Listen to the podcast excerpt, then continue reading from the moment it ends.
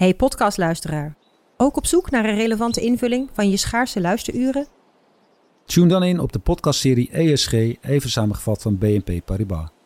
Wij, Marloes en Aldert, spreken daar duurzame voorlopers en wereldverbeteraars. Waarover dan? Nou, bijvoorbeeld of we ooit duurzaam kunnen gaan vliegen. En waarom koeien in de stad nou een goed idee is? Dat en meer elke twee weken in een nieuwe aflevering. Dus abonneer je. ESG, even samengevat.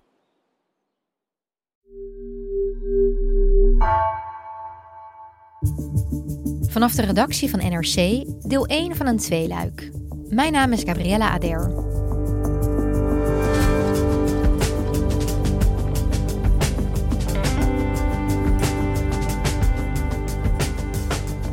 Het lerarentekort op basis- en middelbare scholen blijft maar stijgen.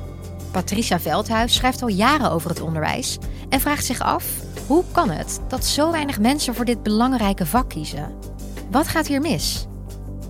Ze neemt de proef op de som en gaat ruim een half jaar lang zelf voor de klas staan.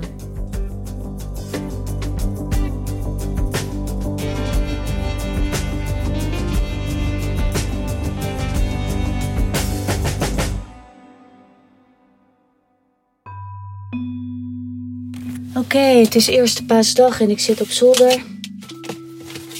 In de bakken te zoeken naar mijn boekjes van de basisschool. Ja, hier heb ik mijn communieboekje. Het lekkerste eten vind ik patat. Het leukste speelgoed is mijn pop. Sommige dingen zijn zo verkleurd dat ik het niet meer kan lezen. Later word ik juf. Ik ben Patricia Veldhuis, ik ben 53. Ik ben nu onderwijsredacteur bij NRC. En ik wilde altijd leraar worden, van kleins af aan. Op de middelbare school werd het een beetje uit mijn hoofd gepraat door een decaan. Die zei, als je op het VWO zit, kan je beter naar de universiteit gaan. En toen ik eenmaal op de universiteit zat, ik studeerde geschiedenis... dacht ik eigenlijk ook nog, ik ga later voor de klas staan. En dat liep anders, want ik kwam bij een studentenblaadje, ontdekte daar de journalistiek en hoe ongelooflijk leuk ik dat vak vond. Dus ik ben eigenlijk meteen na mijn studie gaan schrijven en daar ben ik nooit mee opgehouden. En de droom om leraar te worden, die kwam eigenlijk terug toen ik vier jaar geleden onderwijsredacteur werd voor NRC. En het is misschien wel juist omdat ik het zelf zo ontzettend leuk uh, vond in die scholen en het zo gaaf vond wat ik zag. Uh, de bevlogenheid waarmee de docenten voor de klas staan. Dat me steeds meer verbaasde van hoe kan het nou dat hier zo weinig mensen voor te poren zijn. Want het leraartekort is in Nederland gigantisch. En dat wordt de komende jaren absoluut niet beter. Vorig schooljaar stond er in het voortgezet onderwijs een kwart van alle vacatures open. Van de beschikbare banen is een kwart een vacature. Uh, als je kijkt naar het basisonderwijs, hebben ze een tekort aan 8000 voltijdsbanen op dit moment. Dus ik dacht steeds vaker: wat is hier nou aan de hand? Dus ik dacht op een gegeven moment: hoe kan ik dat nou beter snappen dan gewoon zelf voor de klas te gaan staan? Zou je eens even willen omschrijven? Ja. Waar zijn we? Nou, we zijn hier bij het Redens, het Redens Roosendaal. Samen met mijn collega Nina van Hattem, met wie ik deze podcast maak, loop ik naar de voordeur van het Redens. Ik ben best wel een beetje zenuwachtig, merk ik. Het is niet zo'n grote school. Er zitten hier ongeveer 900 leerlingen op. Dus dat is vrij klein voor een uh, voortgezet onderwijs. Wat je ziet is vooral uh, veel laagbouw. Je zit hier echt op de uitlopers van de Veluwe. Gaan we naar binnen. Zo, welkom.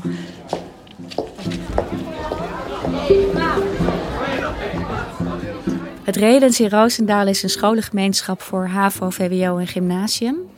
Het is een vrij gemakkelijke school, zoals dat dan heet, in die zin dat de meeste leerlingen niet uit probleemgezinnen komen. Als je door de gangen loopt van het uh, Redens over het linoleum, dan is er gewoon helemaal niks veranderd. En wat ik ruik laat zich het beste beschrijven als een soort mix van uh, ja, oude gymschoenen, puber zweet en een vleugje oude boeken of zo. nou ja, niet heel vervelend, maar gewoon heel vertrouwd op een gekke manier. Middelbare school, dat ruik ik. Ik ben hier vooral om te onderzoeken waarom zo weinig mensen voor dit vak kiezen. Maar stiekem wil ik ook kijken of ik zelf nog steeds voor de klas wil staan. Wil ik nog steeds juf worden, zoals vroeger mijn droom was?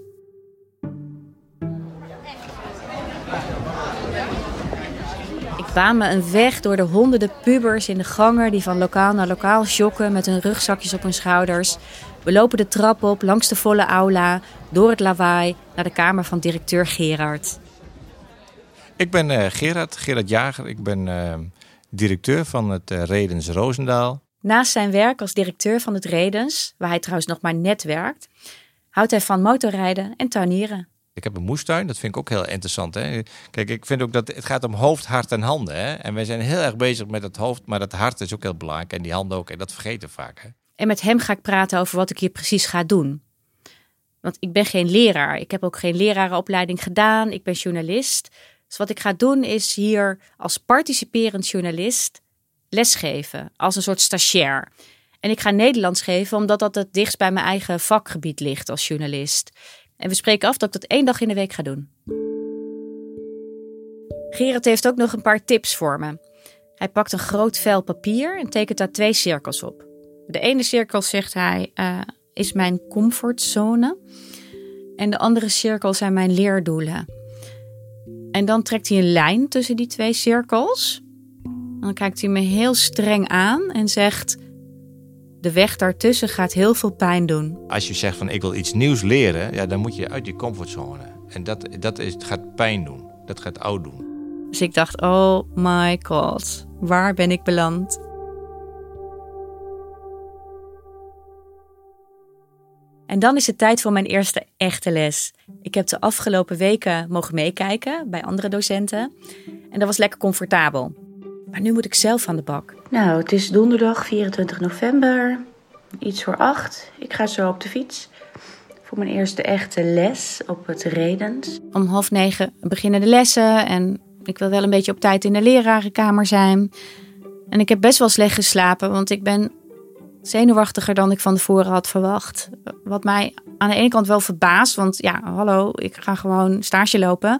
Maar ik vind het toch ineens doodeng dat ik vandaag een aantal klassen voor mijn neus heb. Kinderen die ik niet ken, die mij ook niet kennen. Gisteravond en uh, gistermiddag trouwens ook al lessen voorbereid, PowerPoint gemaakt, instructies gegeven, lesplan bedacht. Mijn eigen kinderen hebben natuurlijk mijn hele lesplan totaal afgebrand omdat ze vinden dat ik ze veel te weinig tijd geef om zelf aan de slag te gaan. Dus misschien moet ik dat ook maar even aanpassen. En ze vonden trouwens ook stom dat ik geen grappige memes in de PowerPoint had gezet. Dus um, ik hou mijn hart vast. En ik heb erover gedroomd. En ik moet ook weer aan dingen van mijn middelbare school denken. Want ik moet ineens met heel veel medelijden terugdenken aan een wiskundeleraar die, die we zo gepest hebben dat we uit het raam klommen. Terwijl hij echt handen wringend in het lokaal zat. Jongens, kom toch terug. Dus ik echt denk, wat, wat ga ik doen als het met mij gebeurt? Als ze gewoon het lokaal uitlopen of niet luisteren. En als ik dat even later in de lerarenkamer vertel, wordt er eigenlijk heel onderkoeld op gereageerd. Daar zeggen ze, ja, daar hoef je niet bang voor te zijn, want de ramen kunnen hier niet open ja, niet geheel gerustgesteld uh, loop ik even later mijn eerste lokaal binnen, lokaal 11.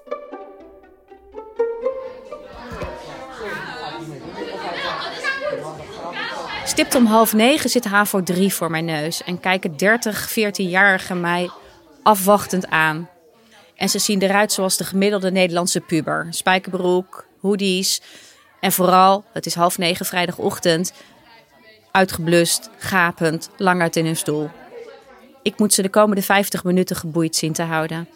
Adrienne, de vaste docent, zit achter in de klas en we spreken af dat ze alleen ingrijpt als het helemaal misgaat.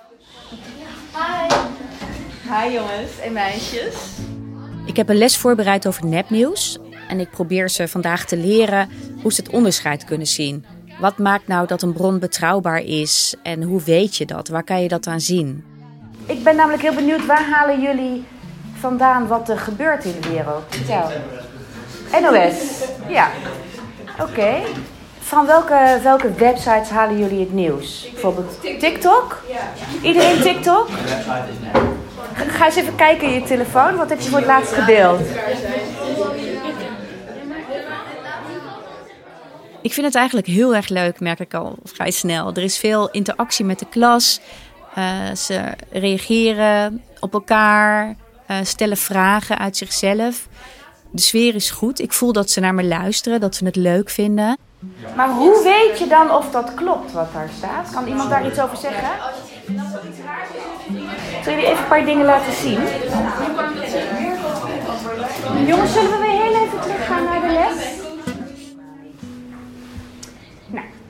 gaan even wat. eh, ik heb een PowerPoint gemaakt. Ehm, nou, hier gaat de les eh, dus van deze week over en die van volgende week. Oh, andere kant. Sorry hoor, ik ben echt nog eh stagiair, dus jullie vergeven mij mijn geprut. Zijn naar vragen? Die 50 minuten vliegen echt voorbij. En ik vind het ontzettend leuk omdat er op de een of andere manier een hele leuke sfeer en contact ontstaat in die klas. Oké jongens, ik hoop dat jullie er iets van opgestoken hebben. En als de les voorbij is en het lokaal langzaam leegstroomt, komt Adrienne naar me toe om me feedback te geven.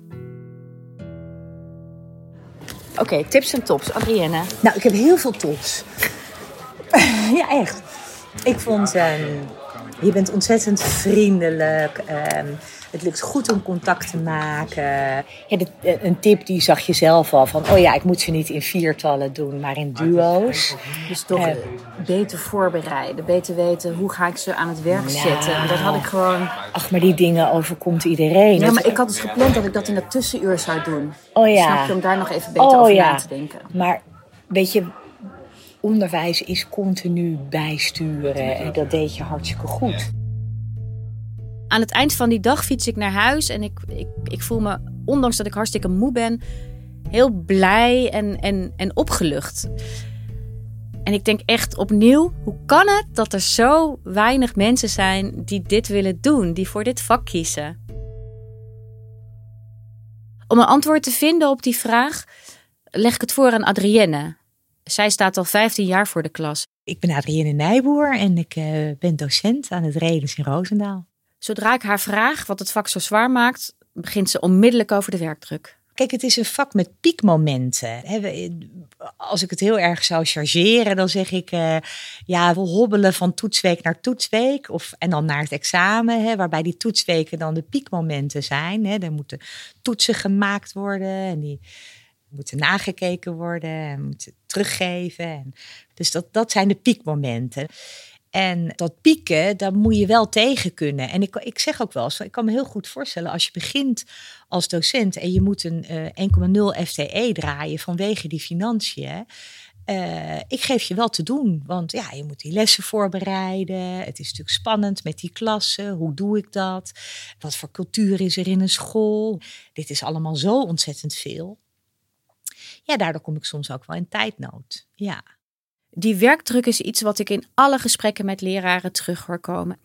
Als ik praat met collega-leraren op het Redens, dan hoor ik zo vaak dat mensen op een vrije dag, want bijna niemand werkt fulltime, met lessen bezig zijn. Met het voorbereiden, met het nakijken, met bijles geven aan leerlingen.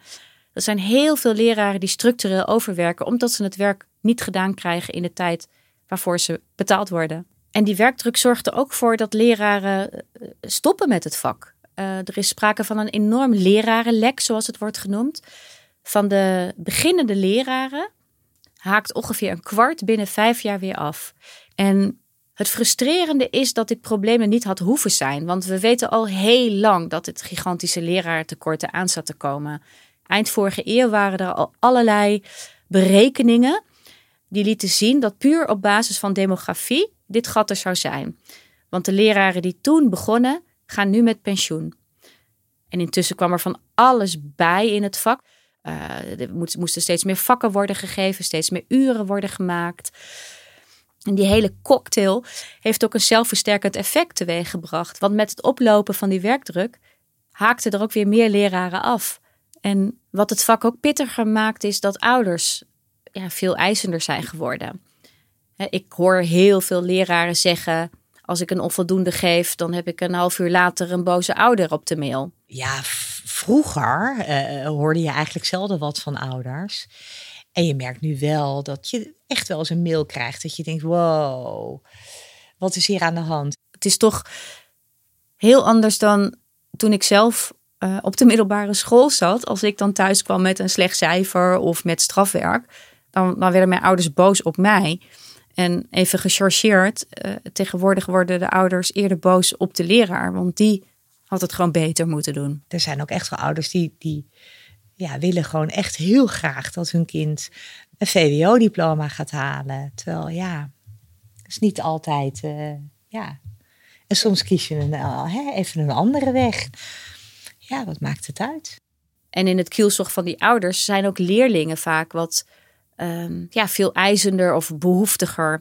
Hebben meer behoefte aan feedback, eh, willen meer uitleg over een bepaald cijfer dat ze hebben gekregen. Ja, dat is aan de ene kant te prijzen, maar het kost ook best veel tijd. Maar wat ik vooral merk bij de collega's op het Redens en ook bij Adrienne, is dat toch al die nadelen niet opwegen tegen de voordelen. Het mooiste vind ik eigenlijk het moment waarop eh, ik die hand in de rug kan leggen. En ja, dat is wat je wil betekenen. Je wil dat extra toevoegen voor de kinderen. Het belangrijkste is dat we ja, goede, stabiele volwassenen afleveren. Of in ieder geval de volwassen wereld in. Dat ze hun plekje vinden. En eh, ja, als ik dat hoor, denk ik ergens, ik vind het een beetje soft. Ik werk zelf in zo'n andere wereld waarin het veel competitiever is en waar het veel meer gaat om het ja, zelf scoren, op de voorpagina staan. En hier gaat het over ja, zachte dingen als handen in de rug van een leerling leggen. En dat vind ik lastig. Ik kan dat nog niet zo goed duiden wat dat in de, in de praktijk betekent. Dus ik ben wat sceptisch die eerste tijd. Maar dan ontmoet ik Ravi en valt het kwartje. Ik ben eh Ravi Omid, 18 jaar oud en eh, ik ben VWO 6 leerling. En ehm, ja, dit jaar zit ik in mijn examenjaar, dus ehm, een beetje spannend voor sommigen. Eh, voor mij niet, want ik sta wel goed voor. En ehm, ja, mijn ambitie is om tandheelkunde te gaan studeren. Ravi valt me eigenlijk meteen de eerste les al op in het klaslokaal. Want waar alle leerlingen een beetje onderuitgezakt eh, in, in hun stoelen hangen met hun hoodies en hun spijkerbroeken, zit Ravi echt kaarsrecht vooraan. Met een eh, nette lichtgrijze jas aan en een zwarte pullover, haren netjes gekamd. En hij staat aan het eind van de tweede dag staat hij al voor mijn neus en zegt: Mevrouw, gaat u ook leerlingen interviewen? Dus ik zeg: Wil jij dat?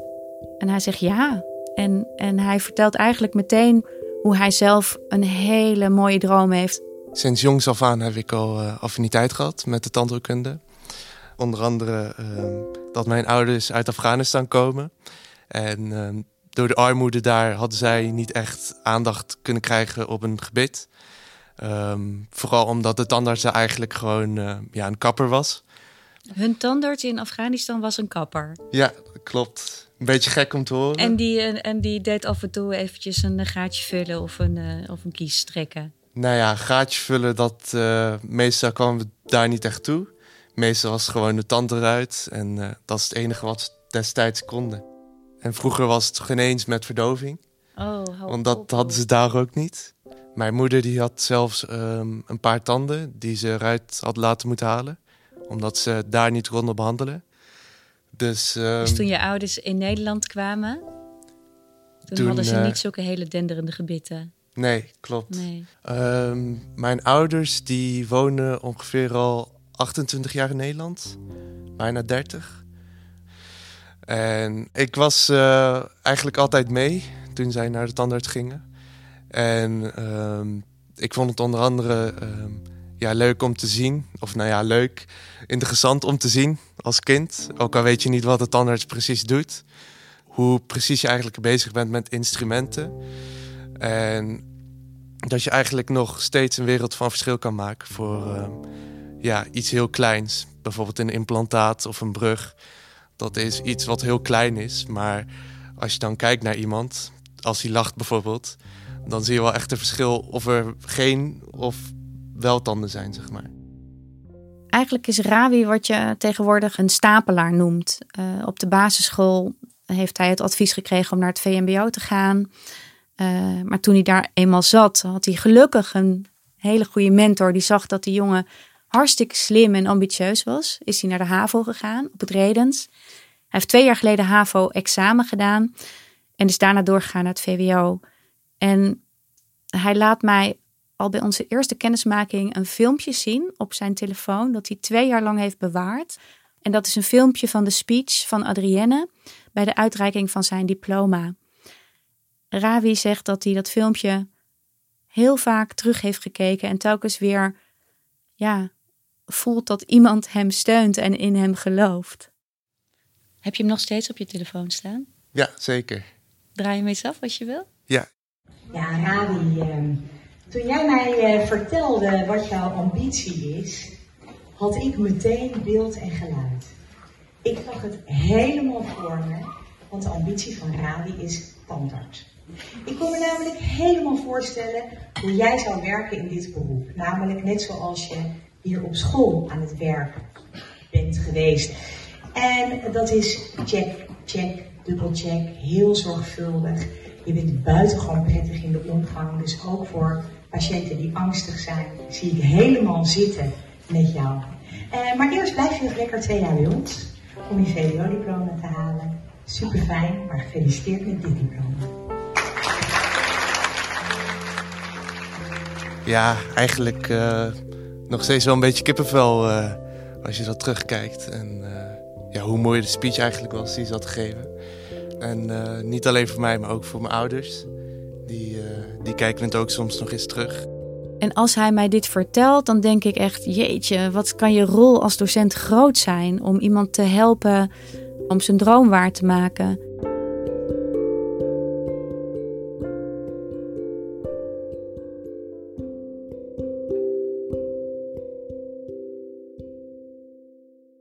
In de weken daarna merk ik echt hoe intensief en hoe pittig het is om voor de klas te staan. Ik moet echt bekennen dat ik voordat ik dit werk ging doen dacht: je hebt twaalf weken vakantie per jaar, hè? waar zeur je over als leraar? Maar ik moet heel eerlijk bekennen dat het best wel vies tegenvalt in de praktijk. Ik ben heel lang bezig met het voorbereiden van lessen. En natuurlijk komt dat omdat ik moet beginnen nog in dit vak.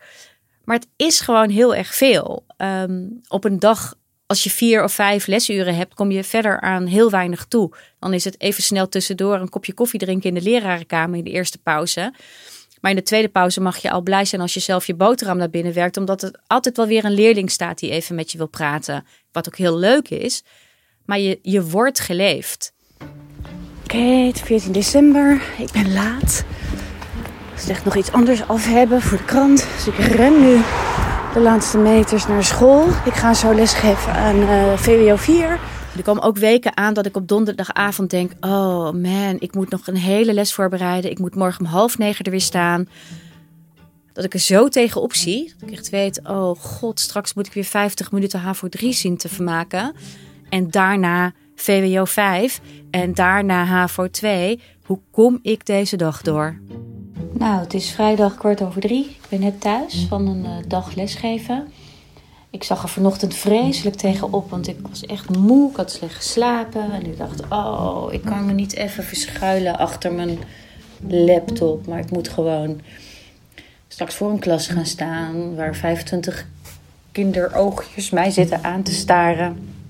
En... Uh, ja, ik kan niet verzaken of zo. Dat gevoel, dat uh, wat, vond ik ineens even heel heftig. Ik merk ook steeds vaker dat het echt een vak is. Eh, met technieken die je kunt leren voor een deel, maar die ik niet beheers, want ik heb geen opleiding gedaan. Maar ondanks dat ik het vaak best pittig vind, zwaar vind, ik ben ook echt moe aan het eind van een dag vol lessen, um, vind ik het ook echt heel erg leuk. En vraag ik toch in een vlaag van verstandsverbijstering om wat zwaardere lessen uh, aan het team van Nederlands.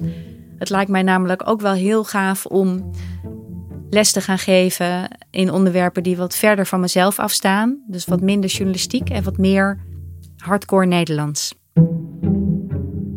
En dat was misschien iets te overmoedig. De laatste twintig minuten had ik het gewoon niet meer in de hand. Ik kan het niet anders zeggen. En dat was echt niet leuk. Het was gewoon chaos.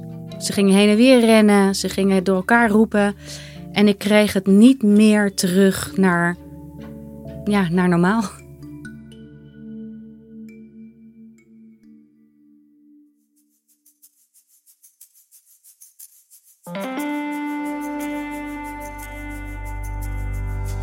Je luisterde naar het eerste deel van een tweeluik. In de volgende aflevering hoor je wat er misgaat tijdens de les van Patricia, of Ravi zijn droom gaat verwezenlijken en wat er gedaan kan worden om het lerarentekort op te lossen. Deze aflevering werd gemaakt door Nina van Hattem en Ruben Pest. Eindredactie door Mirjam van Zuidam en Ido Havinga. Dit was vandaag, morgen deel 2.